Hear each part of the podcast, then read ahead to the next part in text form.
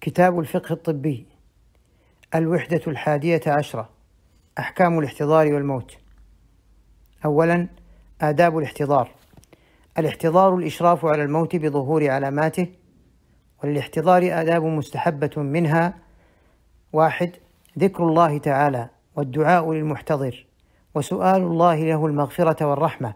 فعن أم سلمة رضي الله عنها قالت قال رسول الله صلى الله عليه وسلم إذا حضرتم المريض أو الميت فقولوا خيرا فإن الملائكة يؤمنون على ما تقولون. اثنين تذكره بإحسان الظن بالله تعالى وعدم القنوط واليأس من رحمته لقوله صلى الله عليه وسلم لا يموتن أحدكم إلا وهو يحسن الظن إلا وهو يحسن بالله الظن. ثلاثة أن يوجه من من أن يوجه من حضرته أن يوجه من حضرته الوفاة إلى القبلة. بأن يجعل على جنبه الأيمن ووجهه لها فإن تعذر ذلك وضع على ظهره ورجلاه للقبلة فإن كان التحريك يشق عليه أو كان المريض على سرير في مستشفى موصولا بأجهزة فإنه يترك على حاله. أربعة أن يلقن الشهادة بأن تذكر عنده ليقولها لقوله صلى الله عليه وسلم لقنوا موتاكم لا إله إلا الله. والمراد بالموتى المحتضرون. سموا, سموا موتى لقربهم من الموت. ويحرص الملقن على أن يكون قول لا إله إلا الله آخر كلام المحتضر قبل وفاته. خمسة تغميض عينيه إذا مات لأن النبي صلى الله عليه وسلم أغمض أبا سلمة رضي الله عنه لما مات وقال إن الروح إذا قبض تبعه البصر فضج ناس من أهله فقال لا تدعوا على أنفسكم إلا بخير فإن الملائكة يؤمنون على ما تقولون. ثانيا الموت الدماغي. واحد صحة الحكم بالموت شرعا عند موت الدماغ. إذا توقف القلب والتنفس ويتبع ذلك تحلل جذع الدماغ فإن هذا هو الموت المعروف ويعد صاحبه ميتا بلا خلاف عند الفقهاء والأطباء. وإذا ماتت بعض أجزاء الدماغ أو حصل إغماء بسبب ارتجاج المخ أو بسبب الأدوية والعقاقير السامة التي لم يمت فيها جذع الدماغ فهذا ليس بموت الدماغ. أما إذا تم تشخيص موت الدماغ وفق الأصول والضوابط الطبية المعتبرة وقرر المختصون الوفاة الدماغية مع بقاء القلب بالنبض والنفس بالتردد فقد رأى الأطباء المختصون أنه موت مرادف لتوقف القلب والتنفس. أما الفقهاء المعاصرون فقد اختلفوا في ذلك هل يعد موتا تترتب عليه أحكام الموت أو لا يعد موتا حتى يتوقف القلب والتنفس؟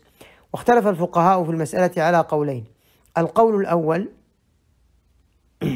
لا يعد موت الدماغ موتا شرعيا حتى يتوقف القلب والدورة الدموية والتنفس وإنما يعد من مقدمات الموت وقد قال بذلك هيئة كبار العلماء في المملكة العربية السعودية وبه صدر قرار المجمع الفقهي لرابطة العالم الإسلامي ونص القرار المريض الذي ركبت على جسمه أجهزة الإنعاش يجوز رفعها إذا تعطلت جميع وظائف دماغه نهائيا وقررت لجنة من ثلاثة أطباء أطباء من ثلاثة أطباء اختصاصيين خبراء أن التعطل لا رجعة فيه وإن كان القلب والتنفس لا يزالان يعملان آلية بفعل الأجهزة المركبة لكن لا يحكم بموته شرعا إلا إذا توقف التنفس والقلب توقفا تاما بعد رفع هذه الأجهزة.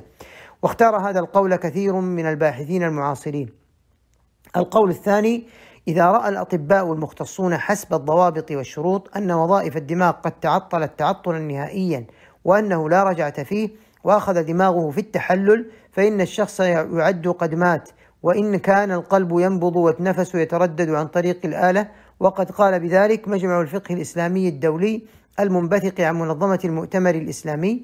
ونص القرار يعتبر شرعا أن الشخص قد مات وتترتب عليه جميع الأحكام المقررة شرعا للوفاة عند ذلك إذا تبينت فيه إحدى العلامتين التاليتين. واحد إذا توقف قلبه وتنفسه توقفا تاما وحكم الأطباء بأن هذا التوقف لا رجعة فيه. اثنين إذا تعطلت جميع وظائف دماغه تعطلا نهائيا وحكم الأطباء الاختصاصيون الخبراء بأن هذا التعطل لا رجعة فيه وأخذ دماغه في التحلل واختاره واختاره كثير من الباحثين. أدلة أصحاب القول الأول موت الدماغ ليس بموت. ألف قاعدة اليقين لا يزول بالشك. وجه الاستدلال أن اليقين هو بقاء الحياة والموت مشكوك فيه لأن قلبه ينبض ونفسه يتردد آليا. فنأخذ باليقين حتى يزول الشك ويقف القلب والتنفس. ب قاعدة الأصل بقاء ما كان على ما كان. وجه الاستدلال أن الأصل أن المريض حي. فنحن نبقى على هذا الأصل حتى نجزم بزواله. جيم أن حفظ النفوس مقصد من مقاصد الشريعة الإسلامية والحكم باعتبار المريض في هذه الحال حيا فيه محافظة على النفس وهو يتفق مع هذا المقصد العظيم من مقاصد الشريعة. أدلة أصحاب القول الثاني موت الدماغ يعد موتا. ألف أن القول بوفاة الدماغ هو قول أهل الخبرة والاختصاص الأطباء. وهم مؤتمنون في هذا الجانب فيجب التسليم له قوله لقولهم. وقد قال الأطباء إنه ما من حالة صح فيها تشخيص موت الدماغ وجذعه عادت إليها الحياة وما من حالة عادت إلى الحياة توفرت فيها الشروط الأساسية لتشخيص موت الدماغ وجذعه. باء أن المولود إذا لم يصرخ لا يعتبر حيا ولو ولو آه، بآلة أو تنفس أو أو بال ولو بال أو تنفس أو تحرك كما قال المالكية. فإذا لم يكن الفعل إراديا كالصراخ والرضاع مثلا لا يعتبر حياة وميت الدماغ كذلك حركته آلية وليست إرادية. جيم أن الحياة تنتهي عندما يصبح الجسد الإنساني عاجزا عن خدمة الروح والانفعال لها وهذا دليل على مفارقة الروح للجسد. وهذا موجود في موت الدماغ فإن الأعضاء لا تستجيب لتصرفات الروح والحركة الموجودة في بعض الأحيان إنما هي حركة اضطرارية كحركة المذبوح. أثر الخلاف في موت الدماغ ويظهر أثر الخلاف في هذه المسألة في عدة أمور منها. قضية نقل وزراعة الأعضاء. فعلى القول الأول موت الدماغ ليس بموت يحرم نقل أعضاء ميت الدماغ التي تتوقف عليها الحياة كالقلب مثلا لأن النقل حينئذ يكون من حي ولا قائل به بل هو محرم بالإجماع لأنه قتل للحي. وعلى القول الثاني موت الدماغ يعد موتا. يجوز نقل جميع أعضائه ما تتوقف عليه الحياة وما لا تتوقف عليه الحياة لأن النقل من ميت وهو جائز عند جمهور العلماء. ب. شهادة الوفاة. فعلى القول الأول لا تصدر شهادة الوفاة إلا بعد توقف القلب والتنفس ولو طالت المدة. وعلى القول الثاني تصدر شهادة الوفاة مع تقرير الوفاة الدماغية. اثنين. حكم رفع أجهزة الإنعاش. يجوز على الراجح من أقوال الفقهاء رفع أجهزة الإنعاش عن الميت دماغيا الذي أصبح يتنفس تنفسا آليا صناعيا وهذا هو قول أكثر الفقهاء المعاصرين وبهذا صدر قرار المجمع الفقهي لرابطة العالم الإسلامي كما تقدم واستدلوا على ذلك بأدلة منها أن بقاء هذه الأجهزة على مثل هذا المريض لا حاجة إليه لأن هذه الأجهزة أصبحت هي التي تعمل بالبدن. ب أن هذه الآلات تطيل عليه ما يؤلمه من حالة النزع والاحتضار وهو نوع من التعذيب. جيم أن هذه الأجهزة تسبب زيادة تألم أقاربه وذويه فتجدهم يتألمون لحاله ويحزنون لما صار إليه.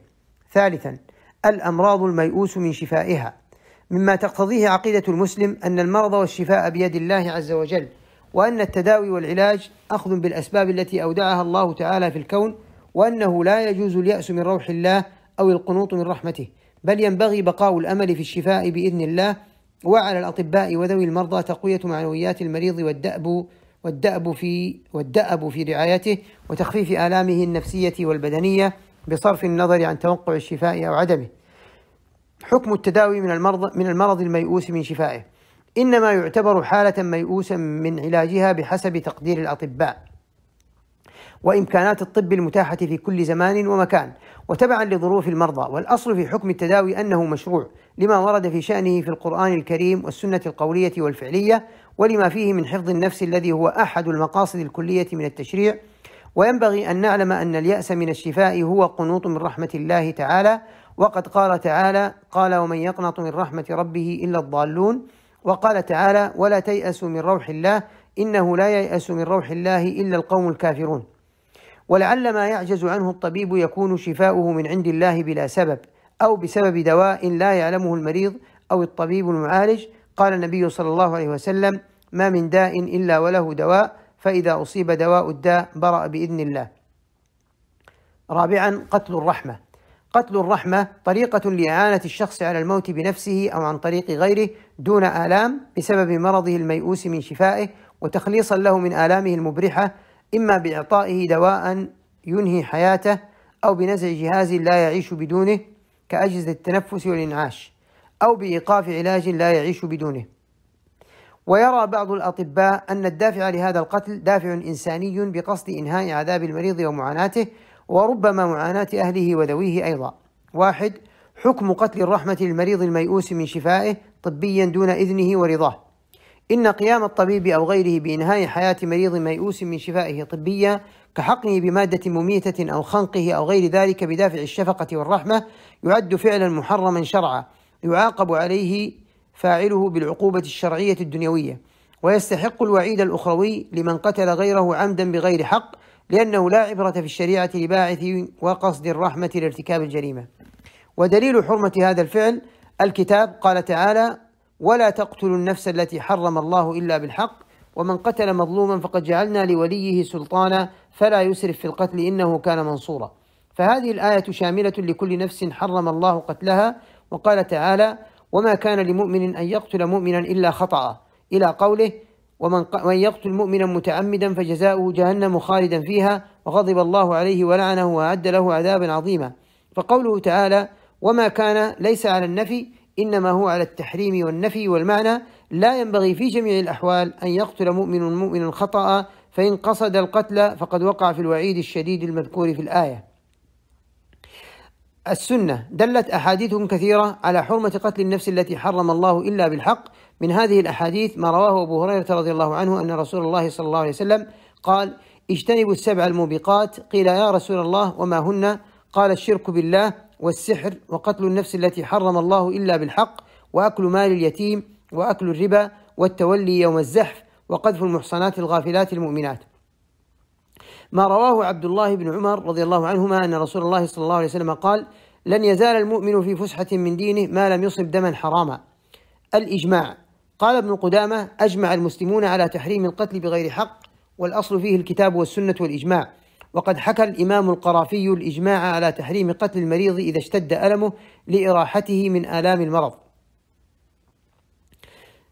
إن من مقاصد الشريعة حفظا إن من مقاصد الشريعة حفظ النفس وسد وسد الطرق المؤدية إلى إزهاقها ولا عبرة شرعا لباعث الرحمة للقتل ولو عد هذا الباعث مجيزا أو مخففا للعقوبة لما تحقق سد باب قتل النفس بغير حق ولا اتخذ سبيلا لبلوغ هذه الجريمة.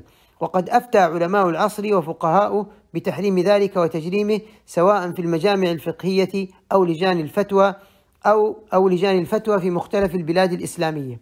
اثنين حكم قتل الرحمة للمريض الميؤوس من شفائه طبيا بإذنه ورضاه. إذن الإنسان ورضاه سواء كان مريضا أو غير مريض بأن يقتله غيره محرم وهذا الإذن لا يبيح للمأذون له القتل ولو تم لإثم لأثم الجميع لأن النفس معصومة لا تباح إلا بما نص عليه الشرع والإذن ليس منه فيكون قتلا فيكون قتلا لنفس بغير حق.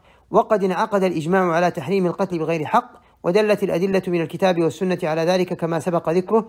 وليس للمريض الحق في أن يأذن لأحد أن يجري على جسمه فعلا حرمه الله وذلك لأن جسد الإنسان إنما هو ملك لله تعالى حيث قال تعالى لله ملك السماوات والأرض وما فيهن.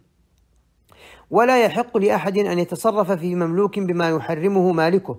وقد أجمع المسلمون على أن لا يجوز لأحد أن يقتل نفسه ولا أن يقتل غيره بغير سبب شرعي وليس لأحد كذلك أن يقطع عضوا من أعضائه. قال ابن القيم لا يجوز الإقدام على قطع عضو لم يأمر الله ورسوله بقطعه ولا أوجب قطعه كما لو أذن له في قطع أذنه أو إصبعه فإنه لا يجوز له ذلك ولا يسقط الإثم عنه, عنه بالإذن. خامسا حكم تشريح جثث الموتى. الأصل أن الإنسان له حرمة في حياته وبعد مماته فلا يجوز التعرض له ولا لجثته بأي نوع من الإيذاء إلا أن الأطباء قد يجرون عملية التشريح على جسم الإنسان بعد وفاته وذلك لمقاصد مختلفة.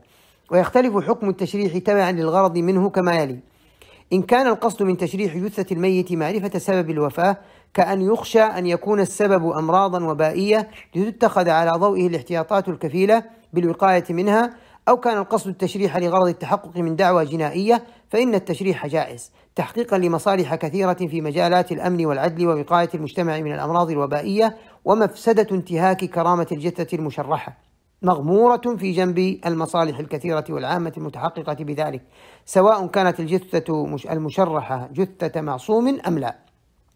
اثنين. إذا كان القصد من تشريح جثة الميت التدريب لعملية للأطباء ليتمكنوا بواسطته من المعرفة التامة بعلم الجراحة وذلك ما يسمى الجراحة التشريحية فالراجح أنها جائزة لغير المعصوم إلا عند الضرورة بشروطها وقد صدرت الفتوى بالجواز من جهات علمية كثيرة منها قرار هيئة كبار العلماء الذي نص على نظرا إلى أن الشريعة الإسلامية جاءت بتحصيل المصالح وتكثيرها وبدرء المفاسد وتقليلها وبارتكاب أدنى الضررين لتفويت أشدهما وأنه إذا تعارضت المصالح أخذ بأرجحها وحيث إن تشريح غير الإنسان من الحيوانات لا يغني عن تشريح الإنسان وحيث إن في التشريح مصالح كثيرة ظهرت في التقدم العلمي في مجالات الطب المختلفة فإن المجلس يرى جواز تشريح جثة الآدمي في الجملة إلا أنه نظرا إلى عناية الشريعة الإسلامية بكرامة المسلم ميتا كعنايتها بكرامته حيا. وذلك لما روي عن عائشة رضي الله عنها أن النبي صلى الله عليه وسلم قال كسر عظم الميت ككسره حيا ونظرا إلى أن التشريح فيه امتهان لكرامته وحيث إن الضرورة إلى ذلك منتفية بتيسير الحصول على جثث أموات غير معصومة فإن المجلس يرى الاكتفاء بتشريح مثل هذه الجثث وعدم التعرض لجثث أموات معصومين والحال ما ذكر. ودليل الجواز القياس وذلك من عدة وجوه. الوجه الأول يجوز التشريح كما يجوز شق بطن الحامل الميتة لاستخراج جنينها الذي رجيت حياته. الوجه الثاني يجوز تشريح جثة الميت كما يجوز شق بطنه لاستخراج المال المغصوب الذي ابتلعه طلبا لمصلحة الحي الحاجية وهي رد المال المغصوب إلى صاحبه. وهذه المصلحة موجودة في حال تعلم الجراحة الطبية إذ يقصد منها تارة إنقاذ حياة المريض وهي المصلحة الضرورية كما يقصد منها تارة أخرى إنقاذ المريض من آلام الأمراض وهي المصلحة الحاجية. وكذلك الحال في التشريح الجنائي والمرضي بل هو أولى. باء إن من قواعد الشريعة الكلية ومقاصدها العامة أنها أنه إذا تعارضت مصلحتان قدم أقواهما وإذا تعارضت مفسدتان ارتكب أخفهما تفاديا لأشدهما. ووجه تطبيق القاعدة أن المصلحة المترتبة على تشريح جثث الموتى لغرض التعليم تعتبر مصلحة عامة راجعة إلى الجماعة. وذلك لما يترتب عليها من تعلم التداوي الذي يمكن بواسطته دفع ضرر الأسقام والأمراض عن المجتمع وحصول السلامة بإذن الله تعالى لأفراده فهذه مصلحة مرسلة شهدت لها النصوص ومصلحة الامتناع من التشريح تعتبر مصلحة خاصة متعلقة بالميت وحده. وبناء على ذلك فإنه قد تعارضت المصلحتان ولا شك أن أقواهما المصلحة العامة المتعلقة بالجماعة والتي تتمثل في التشريح فوجب تقديمها على المصلحة الفردية المرجوحة تقديما لمصلحة الأمة لكونها كلية عامة وقطعية فالتشريح الطبي جائز لأن فيه مصلحة حفظ النفوس فالمفاسد مغمورة في جانب المصالح. جيم إن من قواعد الشرع أن ما لا يتم الواجب إلا به فهو واجب وتعلم الجراحة الطبية وغيرها من فروع الطب هو في سد حاجة الأمة إلى هذه العلوم النافعة وتحقيق هذا الواجب متوقف على التشريح الذي يمكن بواسطته فهم الأطباء للعلوم النظرية تطبيقيا فيعتبر مشروعا. شروط جواز تشريح آه، جثث الموتى. وضع العلماء شروطا لجواز تشريح جثث الموتى وهي التحقق من موت الإنسان الذي سيجرى التشريح على جثته موافقة ذوي الشأن أي أهل الميت قبل وفاته أو بعده في حالة تشريح جثث المعروفين أما غير المعروفين فلا يشترط. ألا يكون ذلك بمقابل مادي. أن تقدر الضرورة بمقدارها. دفن ما تبقى منها لأن الأصل هو الإسراع بدفن الميت. وجود ضرورة تتطلب التشريح.